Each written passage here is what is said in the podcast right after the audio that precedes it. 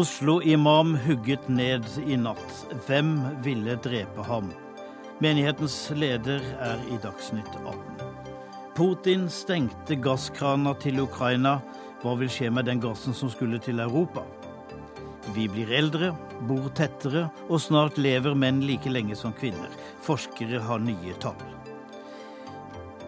Nok en gang er det funnet sted en massakre i Kenya. Er landet nå ferdig som turistmål? Og hvem sto bak? Al Shabaab eller opposisjonen i landet?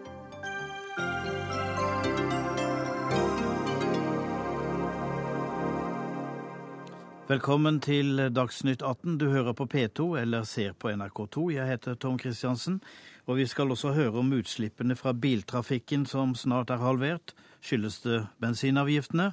SV og Fremskrittspartiet møtes, og de er ikke enige.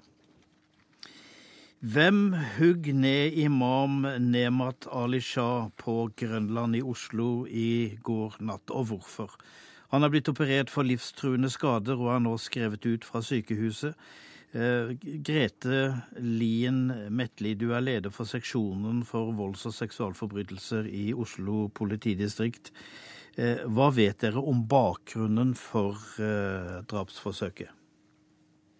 Altså Foreløpig så kan vi ikke gå til å se at vi vet hva som er bakgrunnen. Vi har ikke pågrepet noen ennå. Og og politiet har eh, mottatt for så vidt en eh, rekke opplysninger og jobber med disse nå. Men foreløpig så, så, kan vi ikke si noe med sikkerhet eh, hva dette er for noe. Hvorfor etterforsker dere dette angrepet som et drapsforsøk? Altså, det er en vurdering ut fra den hendelsen og de opplysningene politiet har. Så det eh, slik saken står nå. Og den etterforskes av voldsoffiser som et, et drapsforsøk.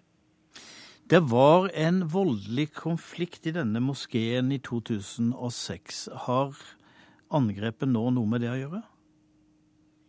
Som sagt så vet vi jo ikke ennå hva som er eh, bakgrunnen her, eller hvem som står bak.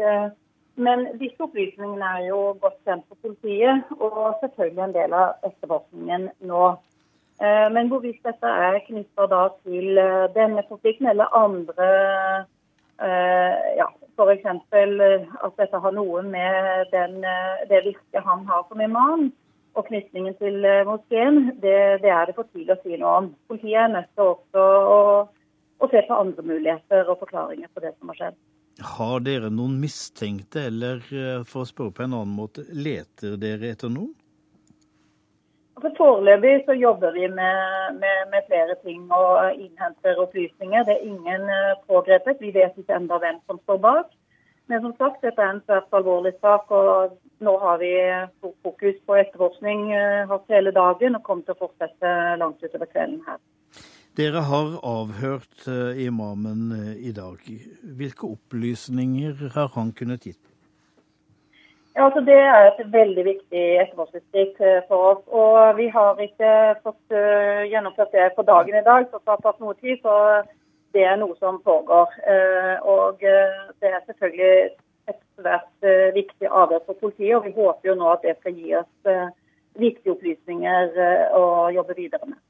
Takk skal du ha, Grete Lien Metlid. De 5000 medlemmene ved moskeen som Imam Shah leder, de har reagert med sjokk og vantro. I dag var flere hundre i moskeen på Grønland for å diskutere hendelsen og be for Imamens helse. Gulam Sanwa, du er styreleder i moskeen. Hva er det folk sier? Ja, Folk er jo bekymret, og de er jo redde, og de ser jo altså hva som har skjedd med imamen vår. Og de følger ikke seg tryggheten. og så Samtidig så er det jo Imam nummer to har jo fått det samme. Han mener det altså at han har fått uh, problem med hjernen sin, og han har gått til legen og fått sykemelding for det. Eh, har folk teorier om hva dette kan skyldes? Hvem som står bak? Da så er det litt vanskelig, som politiet sier. Altså at vi tror jo på politiet, altså at de skal avgjøre saken, og de skal finne ut hvem som er. Så det vil vi ikke spreke ut noe riktigere av befolkningen. Du var ute og spiste middag med imamen i går kveld, Ja. før dette skjedde.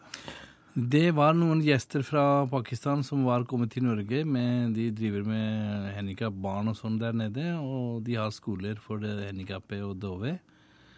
Og de var i moskeen, og vi viste dem hva vi driver i moskeen og sånn. Så deretter så spiste vi middag på Babish i samme gata nedover. Og jeg skulle være til et sted klokka ti, og imamen påpekte meg sjøl og sier altså at nå begynner det å nærme klokka ti. Så jeg, nå begynner du å gå. Så gikk jeg fra han klokka fem på ti, cirka. Og gikk han i moskeen. Og det var de folka som satt med han i matbordet, de reiste med han til moskeen. Og de leste jo bånd sammen. Han leda jo bånd på kvelden, Maghreb. Og deretter så dro de ut i sammen fra moskeen, vei hjem. Utafor inngangen eller inngangspartiet hans, der står de tre stykker og snakker med han. Og gikk de videre, så til noen folk som satt og venta på dem i Kvabish, men gikk imamen inn. Og han blir angrepet i inngang i, inni gården sin. Hjemme hos seg selv, Ja. altså. Ja. Han bor like i nærheten. Han bor i Motfjells gate 8, og mosken ligger Motfjells gate 10. Det bygger ved siden av. Kari Fock, du er religionsforsker, historiker. og Du har forsket på moskeer og muslimske organisasjoner i Norge, og har utgitt boka 'Islam på norsk', som handler om, om disse tingene. Eh, hva slags tanker gjør, gjør du deg om hva som kan være årsaken? Altså, du kjenner jo denne menigheten. Ja, jeg vil jo bare si det samme som en sidemann her, at dette er det umulig å spekulere videre i. Det har vært konflikter i moskeen. Det har vært gjennom flere år. Det har vært et angrep eh, inne i moskeen i 2006. Men om dette er forlengelsen av det, det vites jo ikke. Og det kan jo være flere ting som har skjedd her, uten at vi kan være sikre. Konflikter som har vært i denne menigheten, har de vært religiøse, ideologiske, eller har det vært en maktkamp? Nei, det er nok mer eh, spørsmål om eiendom og spørsmål om innflytelse i moskeen enn det er religiøse motsetninger. Du har jo møtt eh, imam eh, Nemat Ali Shah. Hvordan vil du beskrive ham? Han er en tradisjonell og skal vi si konservativ pakistansk imam som tilrettelegger for sine. Dette er jo en pakistansk moské med relativt få eh, tilknytningspunkter til eh, miljøet i Oslo for øvrig. Men som, er delaktig, som er, tar del i de andre muslimske aktivitetene med Islamsk råd osv. Hva tenkte du da du hørte denne nyheten i går? Nei, jeg syns jo det er sjokkerende at dette skjer.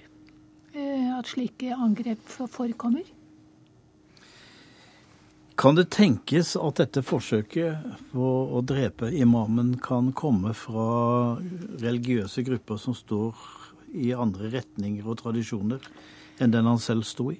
Det gjenstår jo å se. Altså her, Det kan jo til og med være vanlige nordmenn, en vanlig nordmann som har gått løs på imamen. Det, det vet vi jo ikke. Og eh, slike motsetninger som blir så voldelige, det hører med til, til eh, sjeldenhetene. Det har forekommet, det må vi se i øynene. Men eh, det er ikke så mye som taler for det.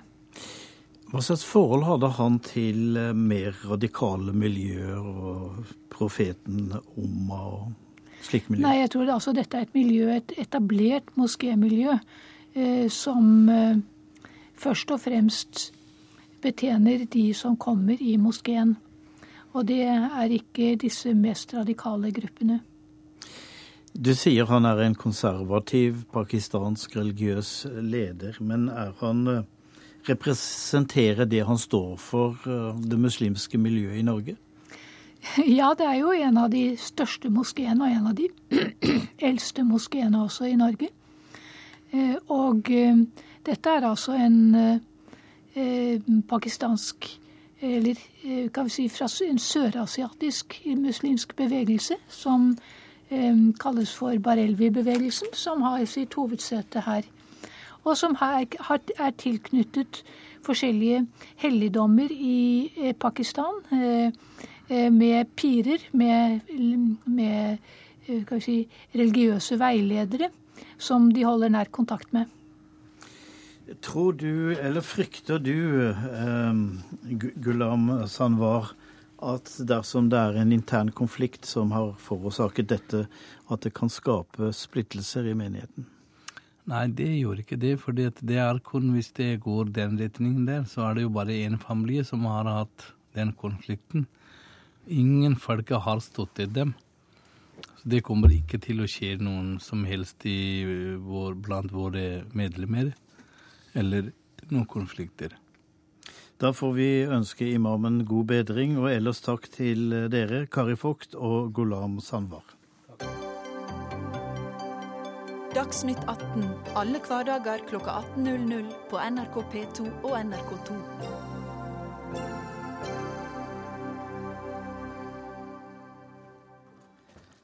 Bare et døgn etter at Russland skrudde av gassen til Ukraina, er rørledningen rammet av en eksplosjon. Hans-Wilhelm Steinfeld, Moskva-korrespondent, er det kjent hva årsaken er, og hva som ligger bak? Det er ikke kjent hvem som fikk eh, eksplosjonen til å oppstå, men politiet i Poltava, byen der eh, ansvaret for sikkerheten i området ligger, sier at det ikke er noen ofre altså sårede eller drepte, etter at um, gassrøret gjennom Poltava, der for øvrig Karl den 12. tapte for Peter den store i 1709, um, ble si, utsatt for sabotasje i dag. Nå var det jo to gasseksplosjoner på denne rørledningen i mai. Eh, Ukrainas energiminister har allerede kalt dette et terrorangrep og satt i forbindelse med de to eksplosjonene. Er, det, er vi allerede inne i den politiske retorikken? Ja, det tror jeg, Tom Kristiansen. Nå er ikke jeg etterforsker på denne saken, men ren logikk tilsier at det ikke er russere som står bak. Fordi det er Russland og transitt av russisk gass til Europa som rammes ved eh, denne eksplosjonen, dersom den er skapt av mennesker.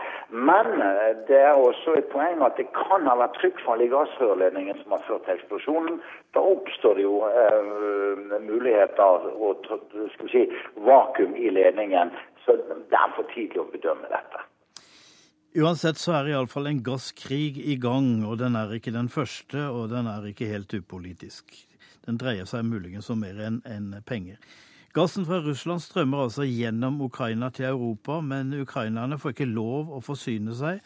Nå prøver de å kjøpe russisk gass fra andre land mot Russlands store eh, protester. Og Steinfeld, jeg så at Kiev i dag melder at folk skal nå ikke lide pga. manglende gass. Hvor troverdig er den formuleringen? Så lenge det er sommer, så er det troverdig. Hadde dette vært om vinteren, så hadde det vært full krise. Tidligere har russerne ukrainerne tjuvtappet russisk gass. Eh, det har de grunngitt med at de økte transittariffene. Det er omtrent halvparten av russisk gass til EU som går gjennom Ukraina. Så har de økt transittariffene for russerne, og så har de tatt det ut i gass. Med det resultatet at særlig land som Ungarn og Slovakia vinterstid har ved noen anledninger de siste ti årene opplevd akutt gassmangel, og dermed svikt i energiforsyning og oppvarming til husene vinterstid. Utenriksminister Børge Brende sa i dag at Russland ikke bør bruke gassen som politisk virkemiddel. Hva syns du om den? Det er klart russerne er smeltet til å fordoblet gassprisen til Ukraina i begynnelsen av mars. Og dermed ble disse 486 dollarene per 1000 kubikkmeter gass som Ukraina må betale, den dyreste i Europa. Helt åpenbart, og det kan ikke hensettes til diskusjon, at den prisøkningen der var et politisk pressmiddel mot det nye regimet i Ukraina som sprang ut av Maidan. Karen Sund, du er gassanalytiker. Gassprisen her er ikke tilfeldig satt, og dette er ikke bare økonomi. Det er like mye politikk. Det er vanskelig å si, det er vanskelig å si hva som er like mye. Men at det er økonomi i det også, skal vi ikke se bort fra. Kan Europa klare seg uten gassen fra, som går gjennom eh, Ukraina til og vestover? Akkurat nå kan de det. Men vi må skille mellom, som, som Steinfeld også gjorde, det som er transittgassen, som har et eget rør, og som han også sier de har ikke lov egentlig å ta, men de har gjort det før, og det som er til Ukraina. Og Ukraina skylder Russland ganske mye penger. Og da det sist var det du kaller en gasskrig, som jeg er på en gassuenighet i hvert fall, i 2009, så var det Timosjenko som var på den andre siden og forhandlet. Og hun fikk være med på å sette en pris som var ganske høy. Um, hvor renslig det var, det for noen andre graver. Kanskje Steinfeld er god på det. Men de fikk også en veldig høy pris, altså inntekt til Ukraina, for sin transitt. De fikk økt sin transittbetaling, hvorav 1,9 milliarder dollar ble betalt på forskudd. Så det er veldig store tall. Og når vi snakker om den gjelden som det fokuseres på i media nå, mellom 5 og 6 milliarder dollar, så er jo ikke det penger Ukraina har. Så kan man jo gå ned i det politiske. Er det et spill av kanskje både Ukraina og Russland for å få de pengene som EU har lovet, og late som at EUs gass er i spill? Så er det jo hvor farlig er det, og det er mye mindre farlig, som Steinfeld også sa, om sommeren enn om vinteren. Og det er mye mindre farlig om det varer dager, enn selvfølgelig om det blir en permanent sak. Men det er også mulig for Tyskland å motta mer gass gjennom Østersjøen i det røret som går der, hvis de vil. Foreløpig så sier de at de vil bare ha halvparten av den som går der. Har Ukraina lagret noe gass? Ja, de har eh, et stort gasslager, og de har økt sitt lager i sommer. Det er helt vanlig om sommeren når gassen vanligvis er billigere. Og da bygger man opp reserver til vinteren. Og i en sånn situasjon som det har vært kjent lenge nå, at det har vært en mulighet for at det blir uenighet, så har de lagret enda mer enn de pleier.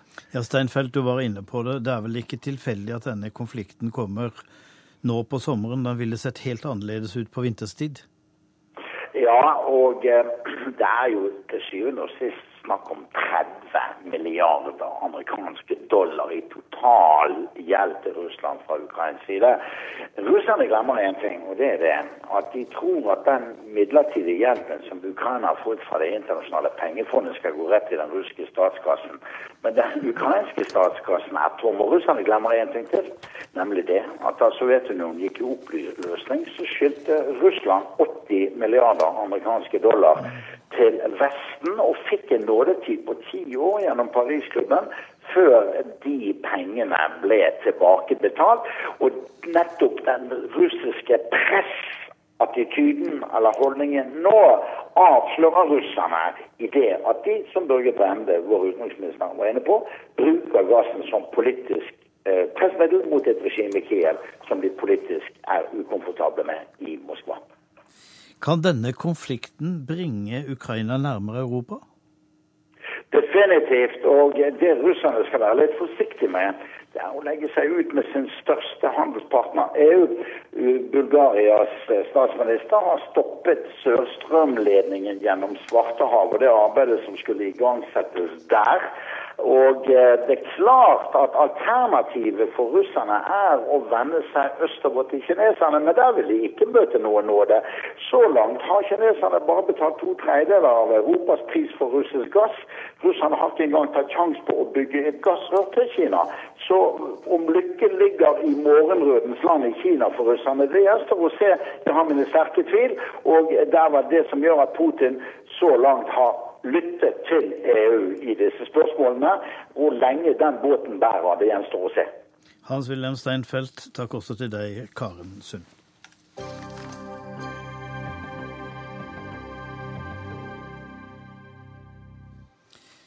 Vi blir flere, vi blir eldre, vi bor tettere og vil helst bo i byer. Slik står det i rapporten om befolkningsutviklingen fram til år 21.00 som Statistisk sentralbyrå la fram i dag. Og så det blir ikke lenger slik at kvinner blir eldre enn menn. Marianne Tønnesen, du er seniorrådgiver og leder for prosjektet. Hvorfor kommer ikke kvinner til å leve lenger enn menn? Det er jo det vi, det er, jo det vi er vant til. Vi tror fortsatt at kvinner kommer til å leve lenger enn menn. Men menn tar innpå kvinner. Og det har vi sett de siste åra, at menns levealder øker raskere enn kvinners levealder. Og vi tror at det kommer til å fortsette framover. Så det er menns levealder som øker, det er ikke kvinner som går nedover? Nei, kvinner går ikke nedover. Begge øker, men menn øker raskere enn kvinner. Ja, hvorfor det, da? Ja, Det er et godt spørsmål. Det er mange ting som påvirker hvor lenge folk lever. Livsstil og sykdomsbilde og medisinsk utvikling og Jogger, røyker mindre, spiser Ja, for sunnere mat? akkurat det med røyking, det er en hovedforklaring eh, sånn som vi tenker det. Ja. At før så var det stort sett menn som røykte. Mens nå etter hvert har det blitt mer likestilling i røyking, og folk har røykt mindre nå enn tidligere. Og at det avspiller seg også i levealderen. Røyking slår veldig tydelig inn på levealder. Vi blir eldre og eldre. Hvilke konsekvenser får det? Det får nok mange konsekvenser. Og et interessant spørsmål der er de ekstra leveårene vi får, blir det friske år, eller blir det år som syke? Det betyr jo veldig mye for enkeltmenneskets livskvalitet, men det betyr også mye for samfunnet og utgiftene til helse og omsorg. Ja, det kan bli dyrt. Det kan bli dyrt. Og friske og sunne 90-100-åringer, det er jo ingen selvfølge. Nei, det er ingen selvfølge. Og dette her er et stort spørsmål som ikke forskning har gitt noen gode svar på ennå. Om det er sånn at de ekstra åra vi får, blir som friske eller som syke. Vi får håpe det er som det første. Men det ligger jo et voldsomt forskningspotensial i dette, da. Både når det gjelder pensjoner, når det gjelder utbygging av helsevesen. Ja. Alt dette. Og aldringen er en, en, et fenomen som kommer til å prege samfunnet framover. Vi tror, Fordi framtida er usikker, så har vi flere forskjellige alternative framskrivinger. Og Det ene heter mellomalternativet, og det er hovedalternativet som vi tror mest på. Og Ifølge det alternativet så vil hver femte person i 2060 være 70 år eller mer. Og så er det en ting som jeg eh, lurer litt på. Altså, Vi kommer til å passere seks millioner innbyggere i 2031. Ja, Det er ifølge det samme Hvorfor i all verden øker befolkningen? Folk får litt under to barn hver. Det er tre Kort fortalt så er det egentlig bare tre ting som styrer befolkningsutviklingen i et land. Det er hvor mange barn vi får, og hvor mange som dør, og så er det nettoinnvandringen. Altså de som kommer inn minus de som flytter ut. Eh, og når vi skal framskrive befolkningen, så må vi finne ut hva vi tror om disse tre tingene framover. Og når det gjelder eh, levealder, så har vi jo snakka litt om det, og dødelighet. At vi tror vi kommer til å leve stadig lenger, og det gjør i seg sjøl at befolkningen vokser. Og så tror vi at norske kvinner framover vil få ca. 1,8 barn per kvinne. Som er ganske høyt i europeisk sammenheng. Og så tror vi at det fortsatt vil være innvandring til Norge. Og ganske høy i starten, men litt lavere etter hvert. Det er jo den vi prøver å unngå jo, i dette land. Hva sa du? Det er jo den vi prøver å unngå i dette landet. Innvandring. Ja, det er, der er det mange ulike meninger. Men vi tror at så lenge Norge er en god del rikere enn resten av verden, og så lenge det er mulig å få jobb i Norge, så er det en del som vil ønske å komme hit. Men altså seks millioner nordmenn, hvor mange av de kommer til å være blekansikter, om jeg kan si det sånn? Etniske nordmenn? Nå husker jeg ikke tallet for akkurat når vi er seks millioner, men i 2060 omtrent så vil det være eh, nærmere syv Nå skal jeg bare se på tallene mine her, så ikke jeg sier feil. I 2060 vil det være nærmere syv millioner mennesker i Norge, ifølge det samme mellomalternativet.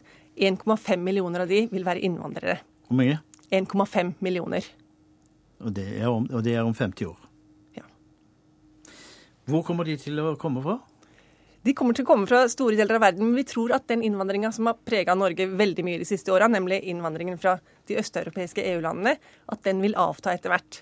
Det henger sammen med både at vi tror at forskjellene i inntektsnivå mellom Norge og de østeuropeiske EU-landene blir mindre, men så er det også forventa en nedgang i folketallet i Øst-Europa. Sånn at det blir færre potensielt som kan utvandre fra de områdene. Av en eller annen grunn har du evnen til å se inn i framtiden og fortelle meg at eh, vi kommer til å flytte på oss ganske mye de neste 80 årene. Kan du fortelle hvor vi skal? Ja, Vi ser at sentraliseringen har vært en, en tung trend i norsk eh, befolkning i mange, mange, mange år. Og vi tror at den kommer til å fortsette. Men når det gjelder hvor folk kommer til å bo i Norge, så prøver vi egentlig å si to ting. Det ene er at det vil være befolkningsvekst i Norge, og den vil også komme distriktskommunene til gode. Så hvis man ser distriktskommunene under ett, så tror vi at det vil være en svak vekst i folketallet også i de kommunene. Men det vil være mye større vekst i sentrale strøk. I storbyene, og ikke minst i kommunene rundt storbyene. Marianne Tønnesen, takk skal du ha for din rapport. Her er mye morsomt å lese.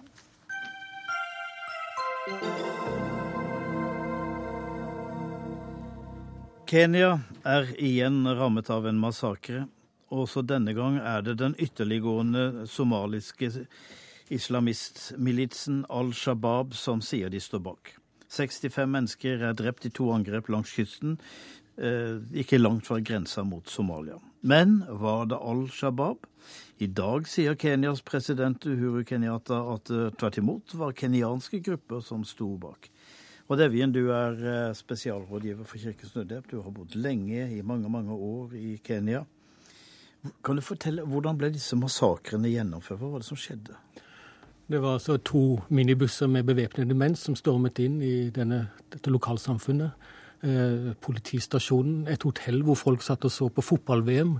Eh, og gikk også inn i hus eh, og drepte for fote. Det sies fra rapporten at det, de som ble drept, ble spurt om etnisk opprinnelse og religion. Men angrepet var brutalt, og, og, og, men det gikk fort for seg, og de forsvant ut i skogen igjen. Det var altså helt vanlige mennesker, helt tilfeldig? Ja, Til forskjell fra før så har han hatt inntrykk av Al Shabaab har angrepet turisthoteller, eller der hvor hvite mennesker eller rike mennesker bor. Men denne gang var det et helt lokalt, vanlig lokalsamfunn som ble angrepet. Dette er en ny en dreining, kanskje. Altså, hva er hensikten med dette? Ja, Hva prøver de å fortelle? Jeg tror, For å se dette i litt perspektiv, som tre på en måte hovedlinjer. Kenya har hatt et langt engasjement i Somalia. Og senest nå med militære tropper inne. Det har vært, altså De har avbrutt handelsruter, det er mye økonomi inni dette her. Eh, så har da eh, de senere år frekvensen Kenya har alltid vært utsatt for noe angrep, men frekvensen har økt. Eh, det har vært sikte på turisthoteller osv.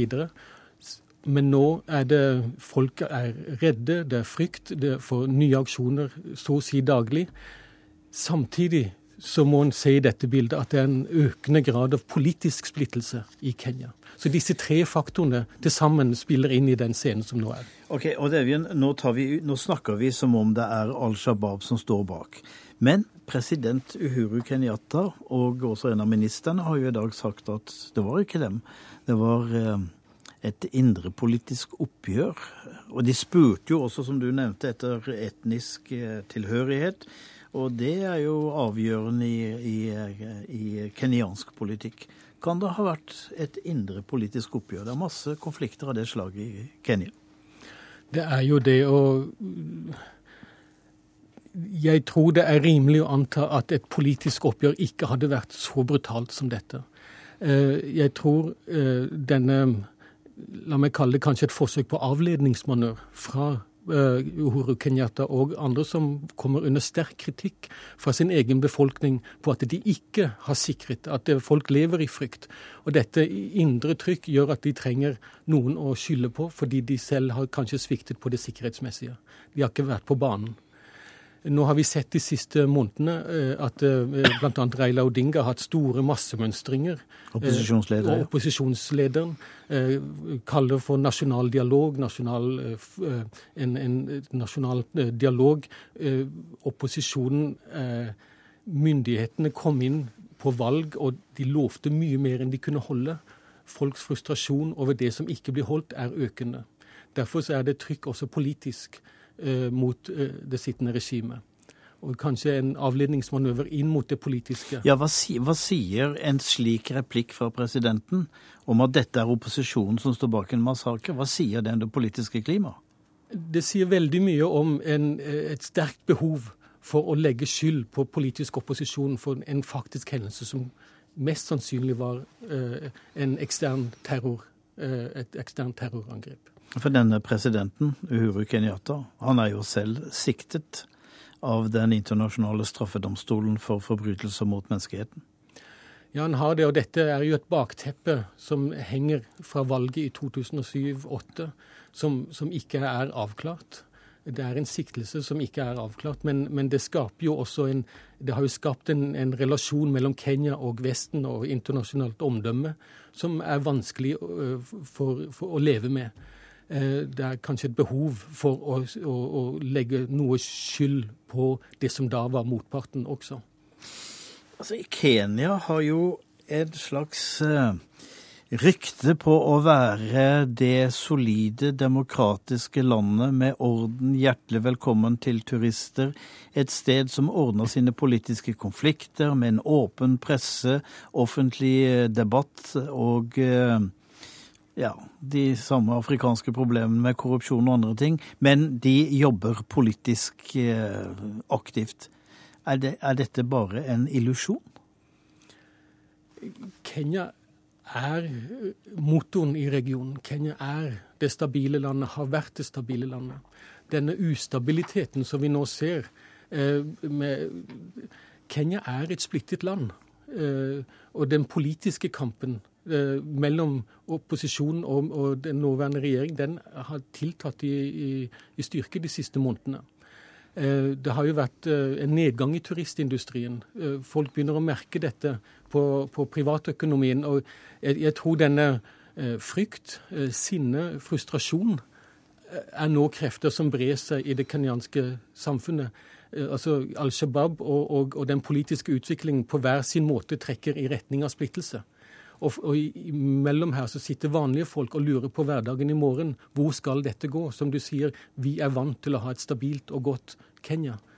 Eh, denne, jeg tror nå at det, på en måte en vei ut er faktisk at de politiske lederne må evne å sette til side disse politiske, denne politiske splittelsen og klare å faktisk sette nasjonens enhet og nasjonens vel i forsetet det er en veldig vanskelig manøver med den nære historien eh, de ledende politikerne i Kenya har. Ja, Klarer de det? Eh, jeg tror i økende grad folk vil kreve, og kanskje der ligger håpstegnet, at, eh, at den kritiske massen blir sterk nok. Kenya har jo en stor middelklasse. Som du sier, aktive aviser, TV, media det er et økende trykk for å si nok er nok. Nå må vi ha en annen utvikling. Dette er ikke oss verdig. Jeg stilte innledningsvis i denne, i denne timen spørsmålet om Kenya er i oppløsning, men de er det altså ikke. Kenya er ikke i oppløsning. Det kenyanske folk er et driftig folk. Du har en økonomi som er, går på i hundre. Men eh, Kenyas politiske liv, det er en annen sak. Odd Evjen, Kirkens Nødhjelp, takk skal du ha. Hør Dagsnytt 18 når du vil. Radio NRK Radio.nrk.no.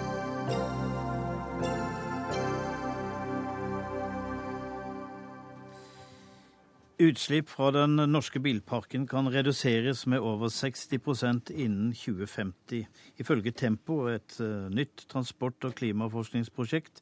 Til nå er reduksjonen allerede på 40% Og Jeg må spørre deg, Lasse Fridstrøm, du leder Tempo-prosjektet, og du er forsker ved Transportøkonomisk institutt. Årsaken er altså engangsavgiften, eller den i, bensinavgiften heter kanskje i gamle dager.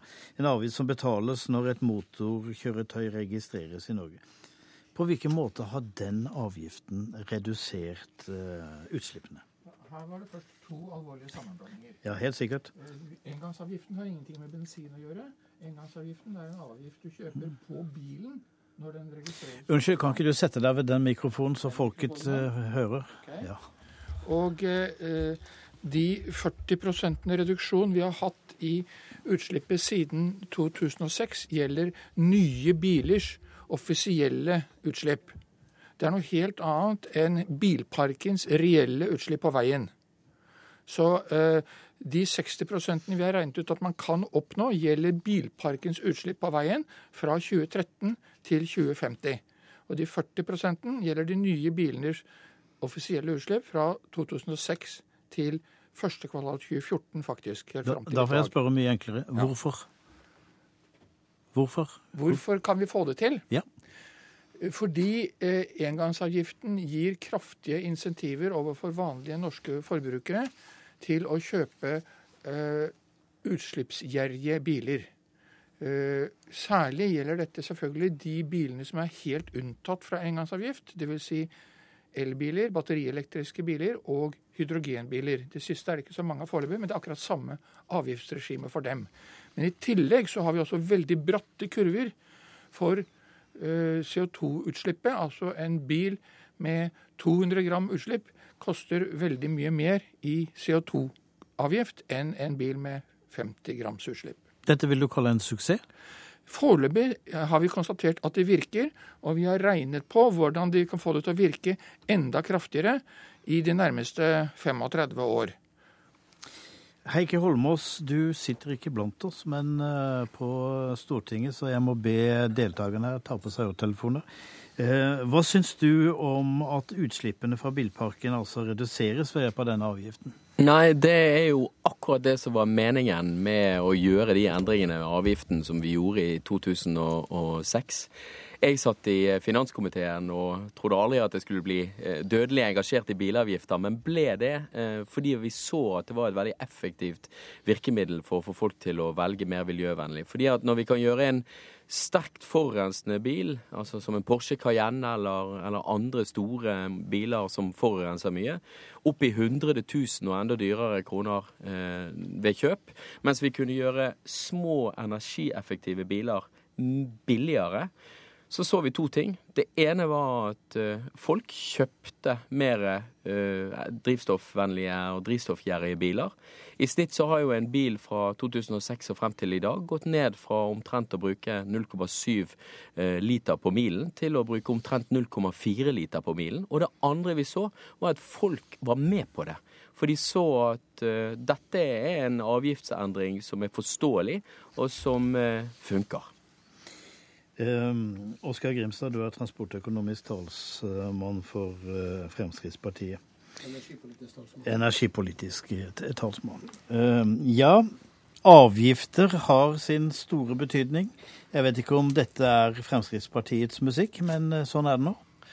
Jo, altså Vi ser at eh, kuttinga av engangsavgifter på bil, eh, at det funker. Det, det, det, er nok tydelig at det overrasker det politiske miljøet at man har fått så mange biler at eh, til og med kollektivfeltene begynner å fylles opp når man begynner å få problemer med det.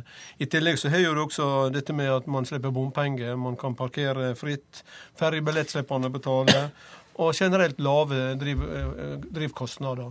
Slik at, at ja, nå, altså, nå, snakker du om de bilene som ikke har avgift, men, ja. men her er jo poenget at avgift, avgift på de andre bilene gir en effekt.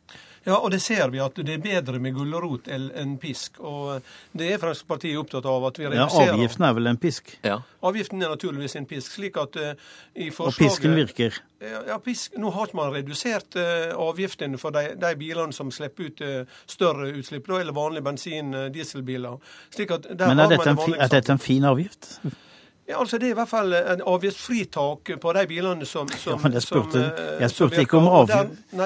Jeg spurte om de som, de som, som betaler avgiften. Er det en fin avgift? Ja, det, Norge har generelt hatt en høy avgift på bil generelt. og vi, Etter min oppfatning og Fremskrittspartiets oppfatning så kan ikke vi begynne å øke det nå. Vi har blant eh, de dyreste bilene i verden eh, pga. avgiftspolitikken. Så å legge på ikke, ikke noe på, men å redusere dem på uh, biler som, som uh, og premiere at du får lavere utslipp, det er Fremskrittspartiet uh, enig i at er en vei å gå. Fredstrøm, hva sier du til den analysen? Hva sa du nå? Hva sier du til den analysen?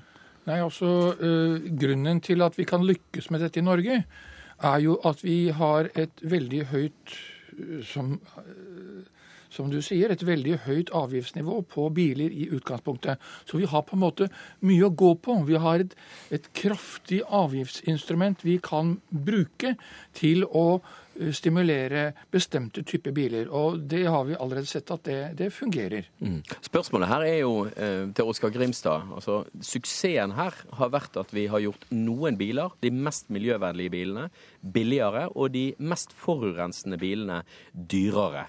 Og Spørsmålet er jo er Fremskrittspartiet villig til å fortsette denne politikken som har virket, og som forskerne sier er helt avgjørende å gjennomføre hvis vi skal nå de målene som alle partiene på Stortinget er enige om at vi skal nå, nemlig å redusere utslippene av CO2. Vil dere fortsette denne politikken i årene som kommer? Kjetil B. Alstadheim, jeg må ha med deg også, kommentator i Dagens Næringsliv. Eh, er det så enkelt som at dersom man opprettholder avgiftene sånn som de er, så vil flere da velge å kjøpe elbil. Og de som hørte deg på morgenkvisten i dag og smilte, de vil eh, gjenkjenne hva du antagelig kommer til å si.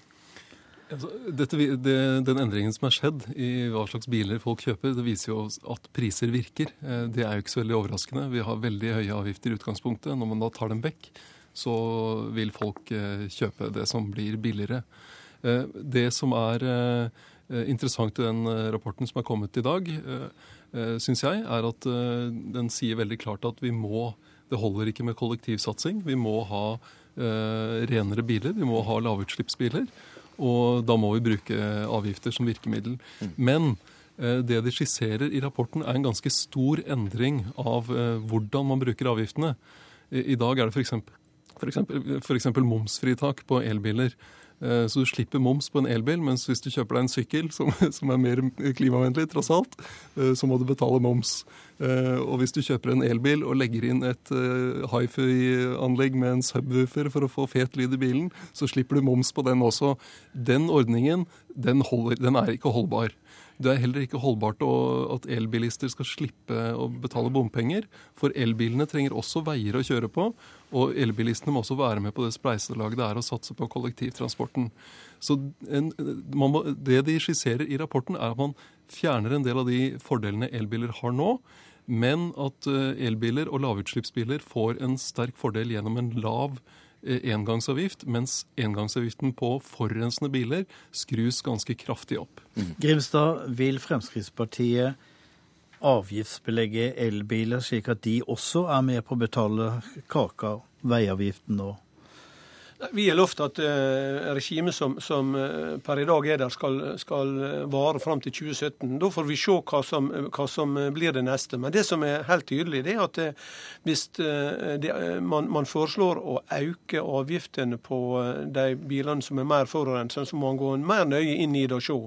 Fordi at de elbilene som vi ser i dag, er, Tesla spesielt, det er jo ikke akkurat bil for hvermannsen.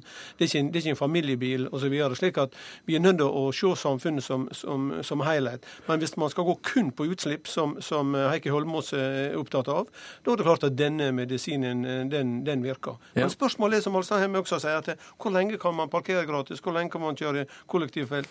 Vi vet at ferjeselskapene på Vestlandet er jo rasende, fordi at en stor andel av bilene der nå er elbiler, fordi man, man slipper å betale. Så, så gulrot virker, men gulrota kan bli også for fristende. Jeg skjønner, altså Nå er Fremskrittspartiet mot gulrot når han virker. Det er jo ganske stusslig. Men det som jeg, ja, det det som jeg, men det som jeg oppfatter at du er nødt for å svare på, Oskar Grimstad, det er det enkle spørsmålet som Kjetil Bragli Alstadheim også stiller, nemlig at eh, kombinasjonen her av å øke avgiftene på de forurensende bilene henger nøye sammen hvis du også skal redusere den på de mest miljøvennlige.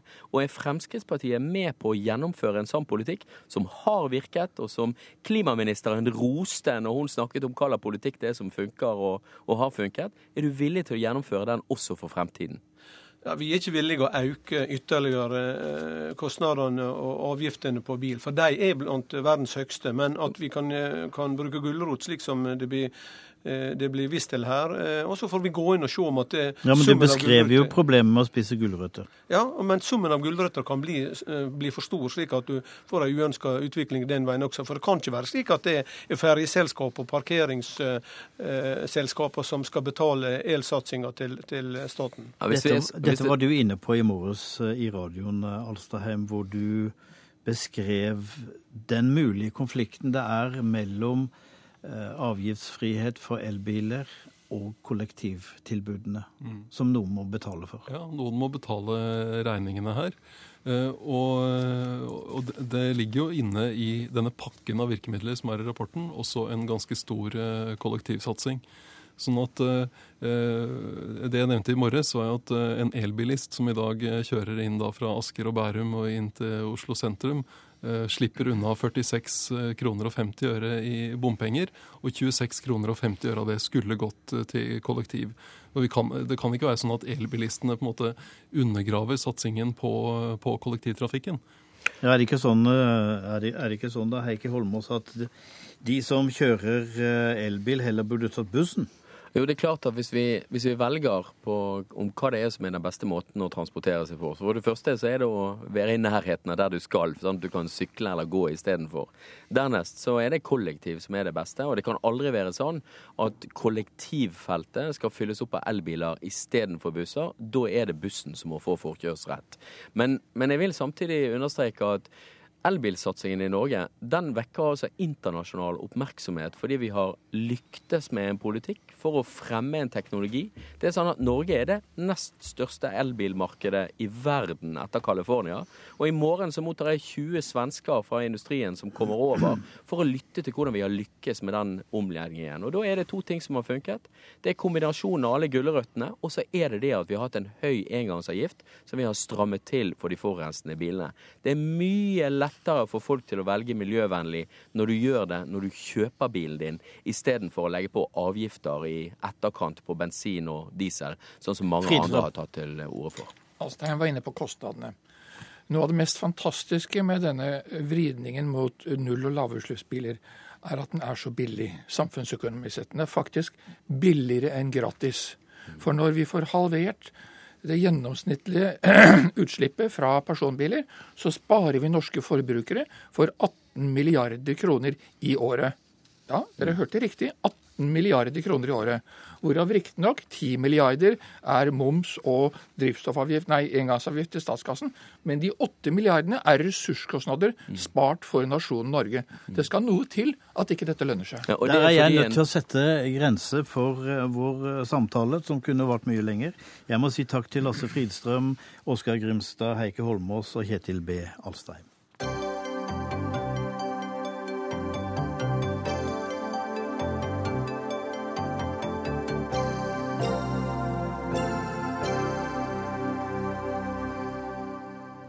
Kommunene skal få bestemme om snøscootere kan kjøres i naturen. Det mener et stort flertall på Stortinget. Det skal ligge noen nasjonale retningslinjer til grunn, men kommunene skal få det avgjørende ordet. Og Heikki Holmås, du er fortsatt med oss. Du sitter nede i Stortinget, i vårt studio der. Eh, dere har stemt imot det forslaget. Hva er problemet med å gi kommunene ansvar? Hvorfor kan ikke kommunene få lov å bestemme noe? Det er fordi at uh, sist gang eh, kommunene hadde råderett over scooterkjøringen og motorferdsel i utmark, det var på Gro Harlem Brundtlands tid. Og da gikk det så over stokk og stein at hun innførte den loven som vi har i dag, som sier at du skal ha strenge nasjonale retningslinjer for uh, hvor det skal være lov å kjøre scooter. Og det er altså sånn at Hvis du spør folk om de vil ha muligheten til trivsel i stille natur, eller om vi skal åpne for mye mer scooterkjøring i det norske vinterlandet, så sier folk, eh, to av tre nordmenn sier at de heller vil ha friluftsliv og natur, mens Høyre og regjeringen og Senterpartiet mener at vi skal ha mer støy og scooter. Ja, men det er et eller annet med at kunne du ikke overlate den vurderingen til kommunene? Jo, men jeg sier jo at sist gang vi forsøkte det, det var på Gro Harlem Brundtlands tid, og da gikk det riktig galt. Og det er derfor det ble strammet inn den gangen. Jeg er åpen for å se på hvordan eh, man eventuelt skulle gitt eh, kommunene muligheten til å si ja til noe mer scooterkjøring. Men derfor hadde vi jo den, fra den forrige regjeringens side så nedsatte vi et forsøksprosjekt med 40 kommuner som skulle få lov å teste ut dette her. Men når Høyre og Fremskrittspartiet kom til makten, så sa de at nei, her skal vi faktisk rushe dette gjennom og gi fritt frem til alle de kommunene som ønsker å gjennomføre et sånt forsøk.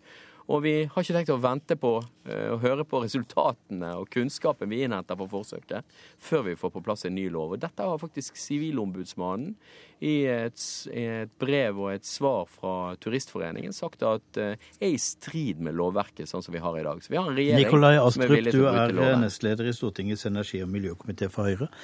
Eh, Det ligger i forutsetningene her at det skal være noen nasjonale krav, altså noen nasjonale grenser, som kommunene da må bevege seg innenfor.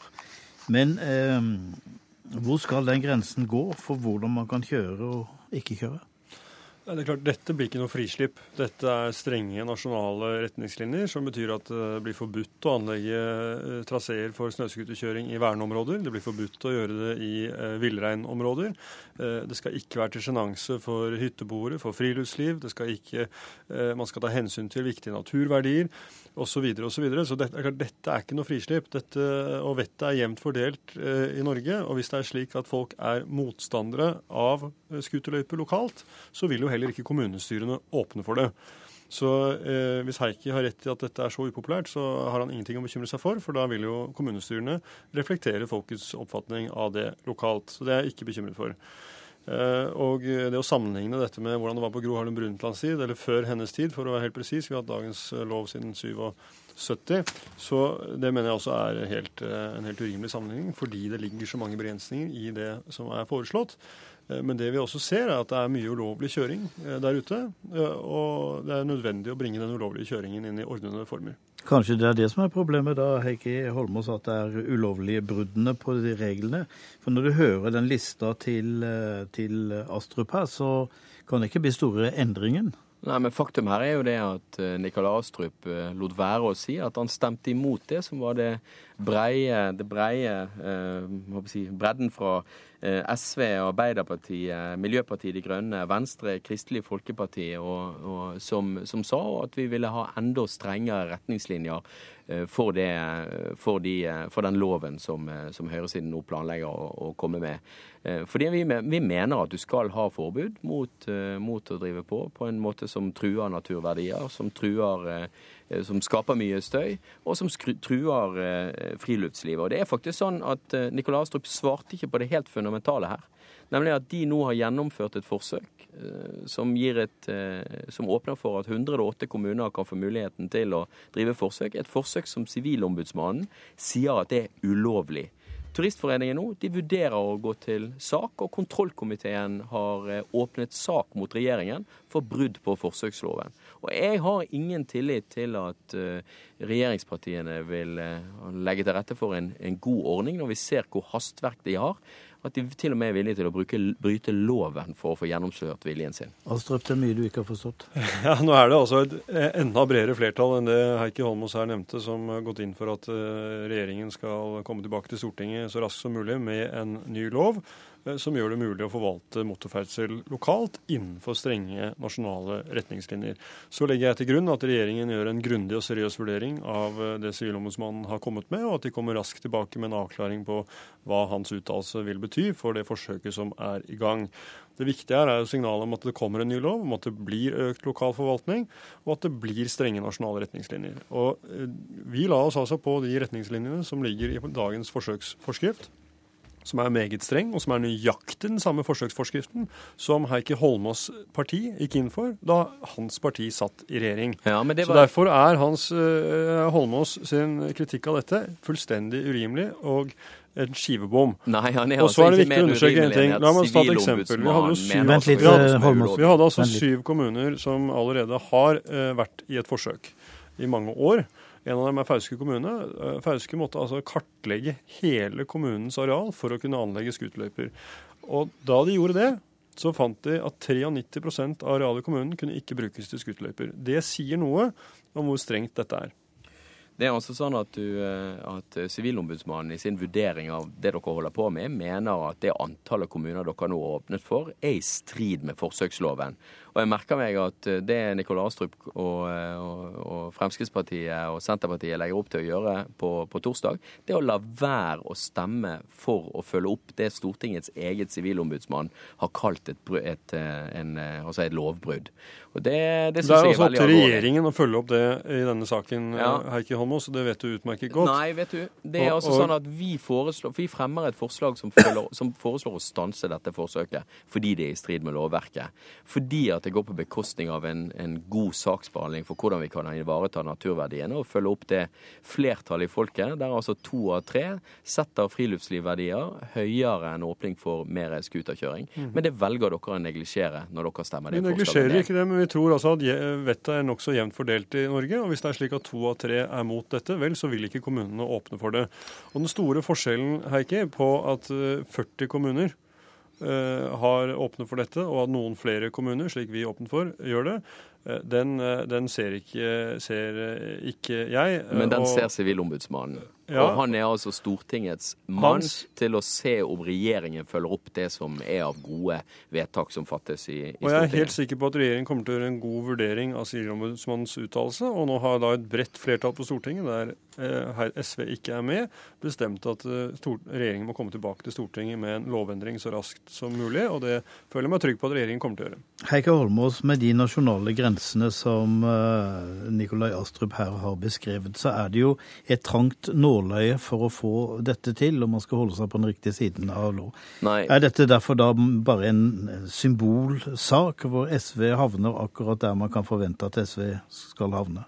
Nei, vi står altså sammen med Arbeiderpartiet, Kristelig Folkeparti, Venstre, Miljøpartiet De Grønne og Turistforeningen og alle miljøorganisasjonene om å kreve mye strengere retningslinjer enn det regjeringen legger opp til. Og det er fordi vi er bekymret for at hvis du først åpner for eh, mye ny scooterkjøring i eh, naturen, vel, da er det veldig vanskelig å stramme inn på et senere tidspunkt.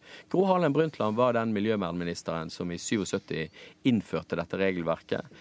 Hun gjorde det med en grunn, og jeg er bekymret for at regjeringen nå eh, ødelegger norsk natur. Har, jeg sier takk til dere så langt. Eh, Vi har hatt noen eh, uker nå med en diskusjon om hva regjeringen lykkes med, og hva den ikke lykkes med. Og velkommen til deg, Hege Ulstein, kommentator i Dagsavisen. Eh, Du skal få eh, i fred og ro få kommentere dette, fordi eh, regjeringen får flertall for nok en sak. Mens Høyre kommer med helsereformer og tiggeforbud, så har Frp fått gjennomslag for mer fart, mer taxfree, stå, ståhjulinger. Hva sier det om eh, tyngdepunktene i regjeringen? Tar liksom Høyre de eh, tunge sakene, og, og så får eh, Fremskrittspartiet grønt lys for noen harde saker? Det var kanskje å dra det litt langt, men det er ikke noe tvil om at det er Høyre som styrer mange av de tunge departementene som har ansvaret for de store eh, reformene som denne regjeringen er i gang med og planlegger å gjøre. Enten vi snakker om Kommunaldepartementet, eh, Kunnskapsdepartementet eh, f.eks.